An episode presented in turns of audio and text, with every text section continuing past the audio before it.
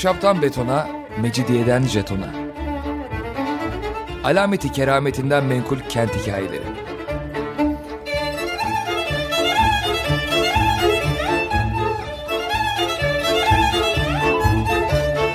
Hazırlayan ve sunan Pınar Erkan.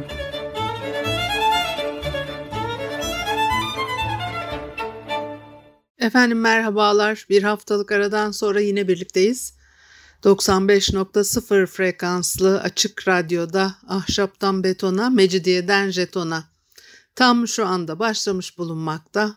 Anlatıcınız ben Pınar Erkan. Elektronik posta adresim pinarerkan.yahoo.co.uk Bugün programımızda ne var?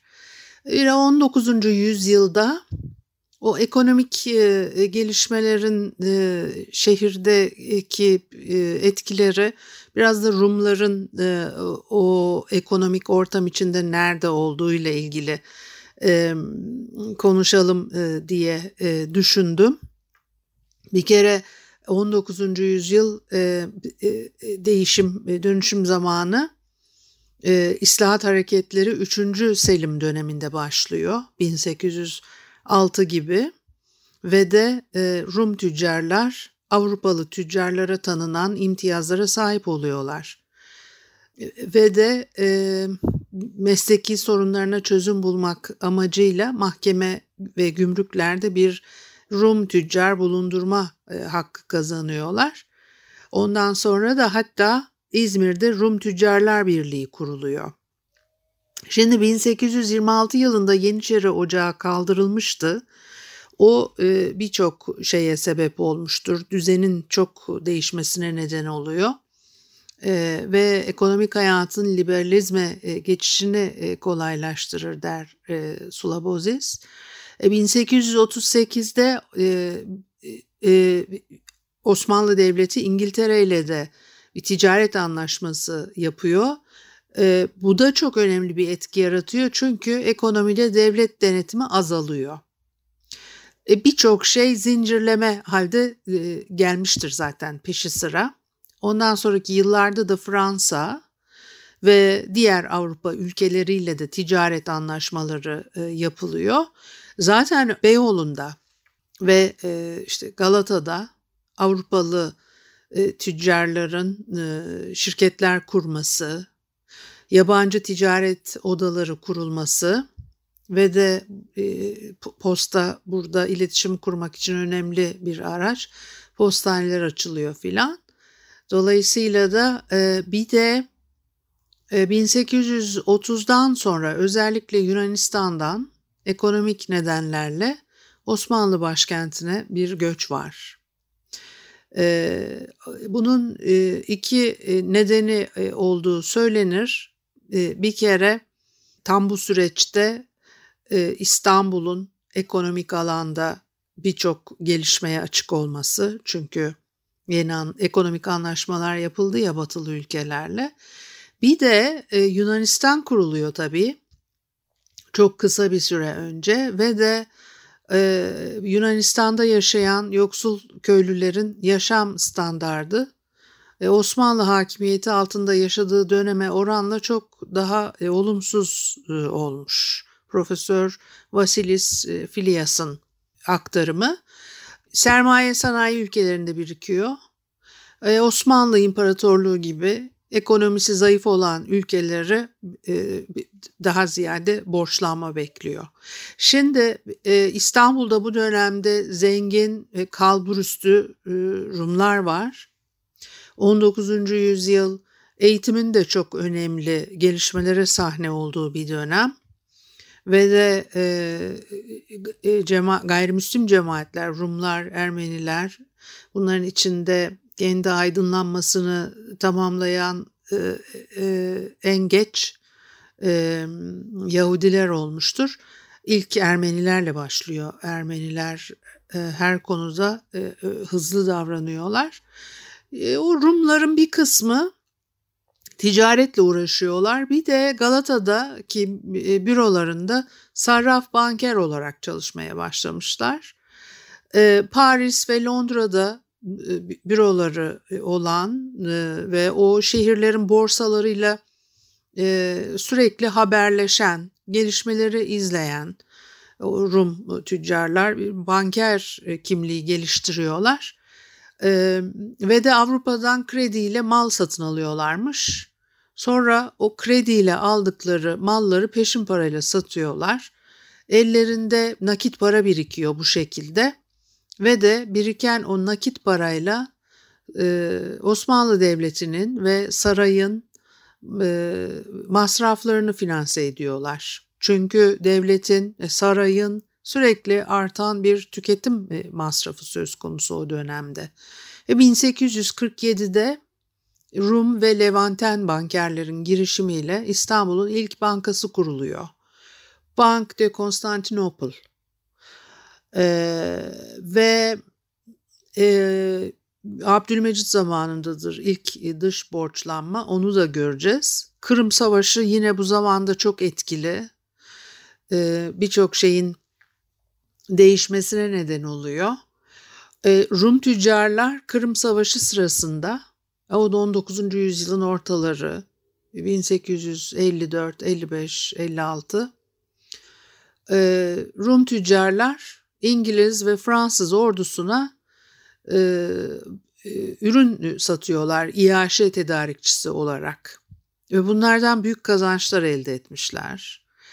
Ee, anılarında bankerler anlatıyorlar. Mesela biri diyor ki 1908 yılında yazmış bankerlerden, Rum bankerlerden e, bir tanesi diyor ki o dönemi yaşayanların anlattıklarına göre geleneksel ticaret ve denizcilik ticaretinden elde edilen karların yanında Kırım Savaşı sırasındaki ticarette ticarette elde edilen karların boyutları efsaneviydi.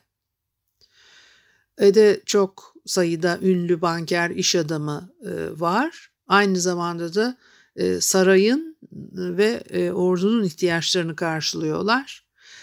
Zorafos Zarif ve Zorafos ailesini ben geçmişte programlarda çok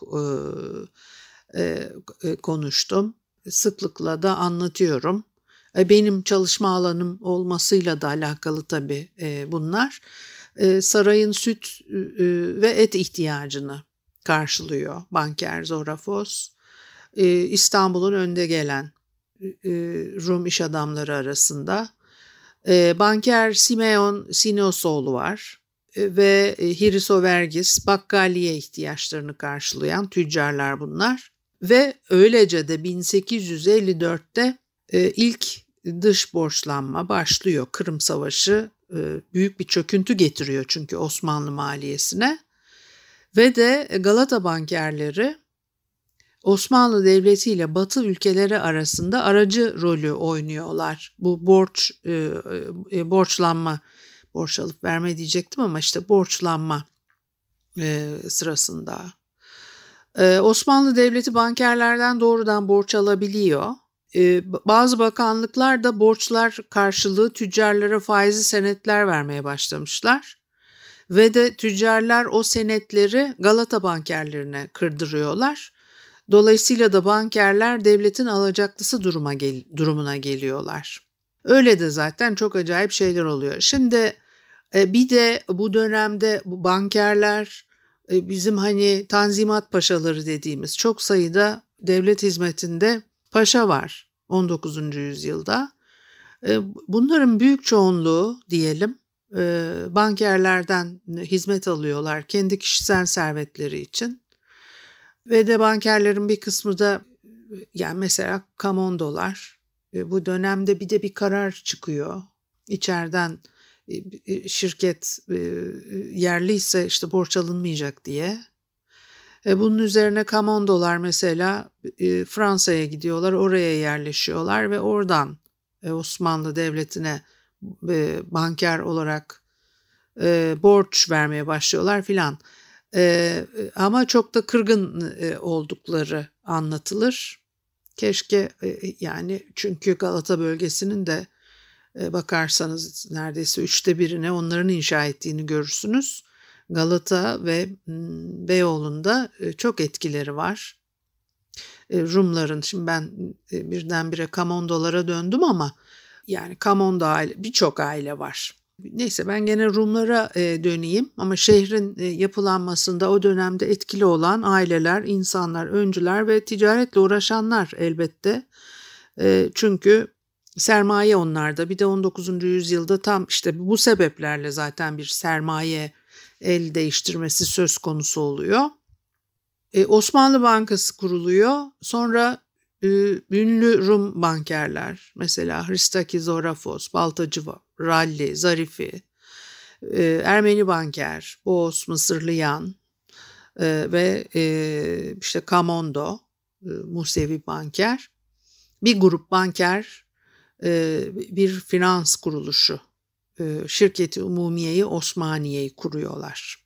1854'te Galata'da Havyar Hanı'nda bankerler tarafından Galata borsası e, kuruluyor. E, onun iç tüzüğüne göre her yıl seçilen 15 e, üyeli bir e, kurul e, var. İşte o kurul yönetecek.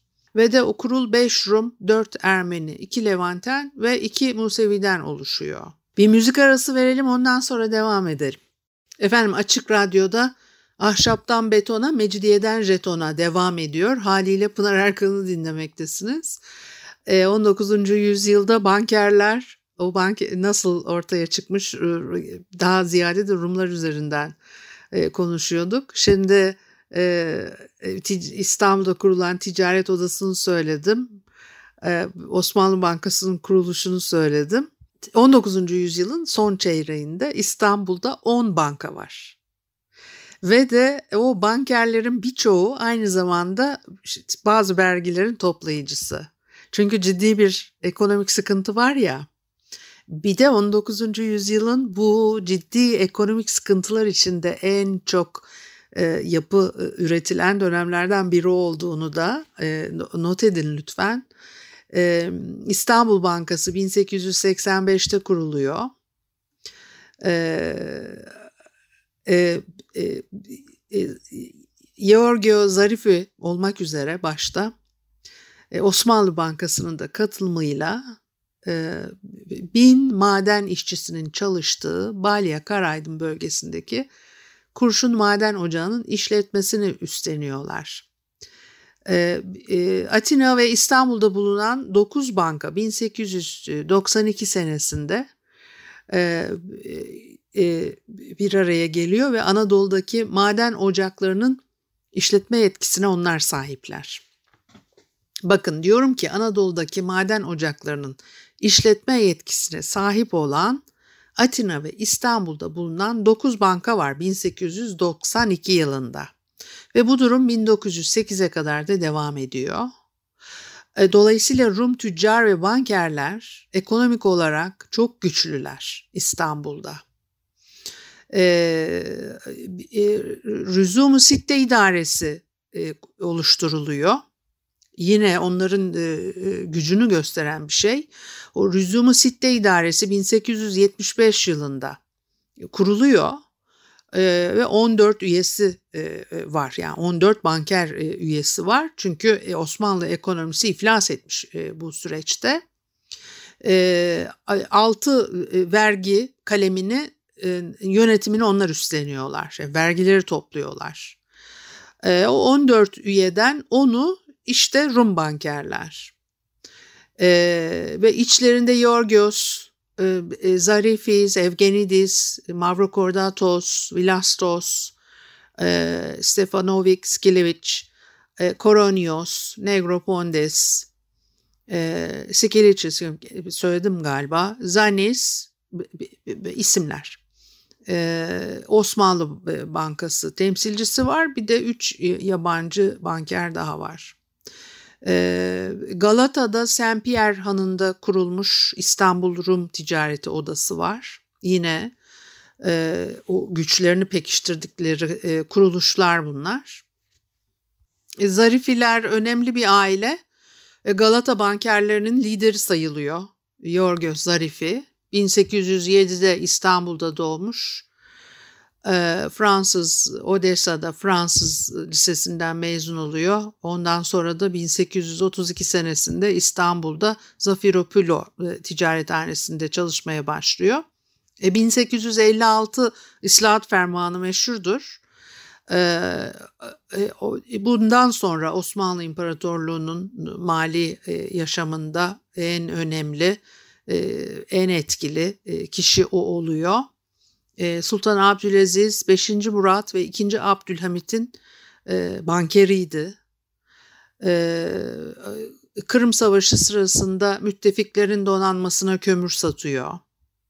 E, Uruzyumu Sitte İdaresi, Düyunu Umumiye İdaresi'nin e, kurulmasında rol oynuyor. Çok çe- çeşitli kuruluşların kurulmasında rol oynamış. E, 1878'de İstanbul gümrük gelirlerini toplama hakkını elde ediyor. Ondan sonraki yıllarda da banker Mavro Cordatos, e, Mavro Cordato e, ve e, banker Camondo ile birlikte tuz tütün vergilerinin toplayıcısı oluyor. E, Düyunu Umumiye 1881'de e, kurulmuştu hatırlarsanız. E, Osmanlı Devleti'nin gelirlerini denetliyor. Çünkü e, devlet e, borçlarını ödeyemez hale gelmiş. 1884 yılında da ölüyor. Ondan sonra da oğlu Leonidas Zarifi devam ediyor işlere.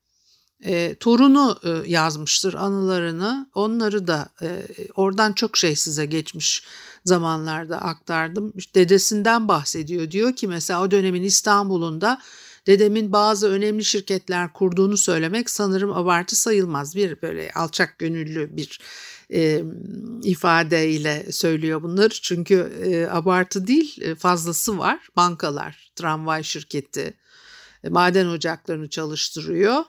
Ee, ve e, dedemin e, iki önemli eseri e, olarak e, ifade ettiği Düyun-u Umumiye İdaresi ile Reji Tekeli. Ee, e, ve diyor ki her iki kuruluşun nedeni Osmanlı İmparatorluğu'nun e, sürekli borçlanma ihtiyacına dayanmaktaydı. Ee, e, saraydan atlı bir menzilci e, yollanmış e, Yorgo Zarifi'nin evine veya işte bürosuna giderek saraya davet e, edermiş kendisini. E, bunun üzerine e, Zarifi sultanın, bakanın bazen de saray başkatibinin özel odasına e, buyur edilir. E, ona acil olarak binlerce e, Osmanlı altınına ihtiyaç duyulduğu söylenirmiş. O da e, bana ne gibi bir teminat verebilirsiniz diye sorarmış. Osmanlı sultanlarının düştüğü duruma bakın ondan sonra da hangi devlet görevlisiyle görüşüyorsa o sırada birçok öneride bulunuyor. İşte diyor ki mesela taşradaki verginin onda biri. koyun, balık, tuz vergisi. buharlı gemi idareyi mahsusanın tahsilatı, işte gümrük poliçeleri al senin olsun. Yani borç para alacak ki onun karşılığında bir şey gösterecek teminat olarak ve bu teminatları e, görüşüyorlar ve ondan sonra da eğer e, Zarifi verilen tahminat, e, teminatları tatmin edici bulursa anlaşmaya varıyorlar e, hemen ve işini de çok iyi e, bilirmiş. E, bu nedenle de ortakları ona e, pazarlık e, büyük pazarlık yapma yetkisi vermiş. E, bu karşılıklı görüşmelerden sonra telgrafla kişi başına düşen payı e, temsilcilere e, bildiriyor ve de e, o cevabı beklemeden e, paranın karşılığını senet çıkarırmış. E, bankalar aynı gün e, kırılan senetlerin karşılığını ödeyince e, Yorgo Zarifi padişahın istediği kredinin e, tümünü saraya ulaştırırmış ve de temsilciler için bu olay sorumluluğu ve tehlikesi olmayan bir banka e, girişimi. E, ilgilendikleri tek nokta faizin ve simsariyenin tahsilatı. Aynı yıl içinde birçok defa tekrarlanıyor. Bunun içinde karlar büyük oranlarda ve çok. işte o da orada o teminatların verimli olmasını sağlamakta Zarifi'nin sorumluluğuymuş. Mesela Midilli Adası'ndan Marmara ve Ege bölgelerinden gelen verginin onda birini tahsil ediyor. Bunu pratik kolay bulurmuş. Sonradan sarayın ve hükümetin borçlanma ihtiyacı büyüyüp kredi borçları arttıkça e, o teminatların birikimini ana paraya dönüştürmek zorlaşmaya başlamış. E, o zaman da Yorgo Zarifi Osmanlı Devleti'nin borcunu ve devredilen vergi haklarının ve onların tahsilatını üstlenmiş e, bir uluslararası kurum oluşturmanın gerekliliğini düşünüyor. İşte o kurum Düyunu Umumiye İdaresi'ne dönüşüyor zamanla. Osmanlı'nın son döneminde e, büyük zararlara ve yıkımlara sebep olan bir kurumdu elbette. E, bir de Osmanlı-Rus Savaşı çok meşhurdur bu zamanlarda. Osmanlı Devleti'nin e, Avrupalı alacaklarına karşı sorumluluklarını yerine getirememesine neden oluyor. Dolayısıyla da 1879'da son derece zorlu bir mali durum ortaya çıkıyor. Berlin görüşmeleri meşhurdur. Çok şeyin sebebidir e, Berlin görüşmeleri. E, orada borç da e, borçlara da çözüm aramışlar ama e, bir sonuç elde edememişler. E, ve de e, banker Zarifi bir grup Rum bankerle birlikte 10 Kasım 1879'da 2. Abdülhamit'ten aldıkları iradeyle damga pulu, balıkçılık, ipek, e, koyun yetiştiriciliği vergileriyle tütün tekeli ve tuzlaların işletme hakkını 10 yıl süreyle kurulacak bir şirket adına almaya başlamış. Ee, o anlaşma 1 Ocak 1880'de yürürlüğe e, giriyor ve Avrupalılar bu gelişmeler karşısında şaşkınlıktan dona kalmışlar. Rumlar, Osmanlılar ve bono sahiplerinin temsilcileriyle yeni müzakerelere başlıyorlar. Ve ondan sonra da onların ortak çıkarları bir sonuç veriyor. O Düyunu Umumiye'nin kurulması işte 1881 yılının Muharrem ayında imzalanan bir anlaşma olduğu için ondan sonra o uluslararası kurum Muharrem kararına biraz karışık cümle kurdum anlaşma Muharrem kararnamesi e, ismiyle e, geçiyor. Ve Alexandros Pangiris Bey de rejinin yani tütün tekelinin üst düzey müdürü 1923'te Lozan Anlaşması'yla bu kurumların çalışmaları son bulmuştur. E, bu döneme kadar da e, çok büyük bir hani güç e, elde etmiş oluyor Rum tüccarlar dedim ya. Leonidas Zarifi e, hatıralarında anlatır. 1897'de Türk-Yunan Savaşı'ndan az önce İstanbul imkanlarla dolu bir şehirdi. Yurt dışından çalışmaya gelen işçiler, açılan yeni iş alanları, kazanılan gelirler olumlu bir iklim yaratıyordu. Herkes para harcayıp eğleniyordu. Perayla sayfiye yerlerinde hayat sanki sonsuz bir eğlenceydi diye anlatıyor e, o dönemki atmosferi. Sonra da tabii e, yabancılarla işbirlikleri oluyor. E, bütün yabancı malların yerli mallar aleyhine Osmanlı pazarlarını doldurduğu bir süreç. İskoçyalı siyasetçi ve diplomat David Urquhart e, meşhurdur. 1836'larda demiş ki mesela bizim için önemli olan ürünlerimizin fiyatlarını düşük seviyede tutarak onların tezgah sanayini çökertebilmektir. Anadolu'da yaşayan 60 bin insanın ham maddeleri değerlendirmekle zaman kaybedeceklerine ekilmeyen tarım alanlarını eksinler. Ve de böyle de bir süreç. Bugünlük de bu kadar olsun. Haftaya görüşene kadar hoşçakalın.